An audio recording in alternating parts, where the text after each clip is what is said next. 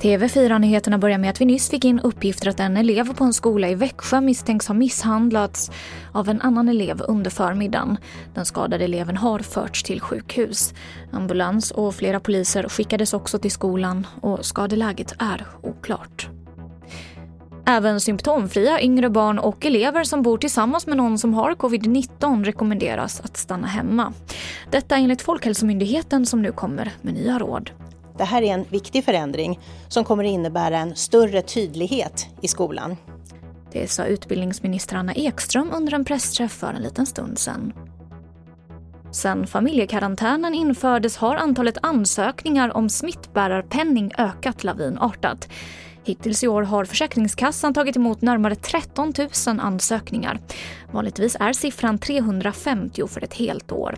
Och enligt SR så har man redan betalat ut 19 miljoner kronor och ytterligare 15 miljoner kommer betalas ut före årsskiftet.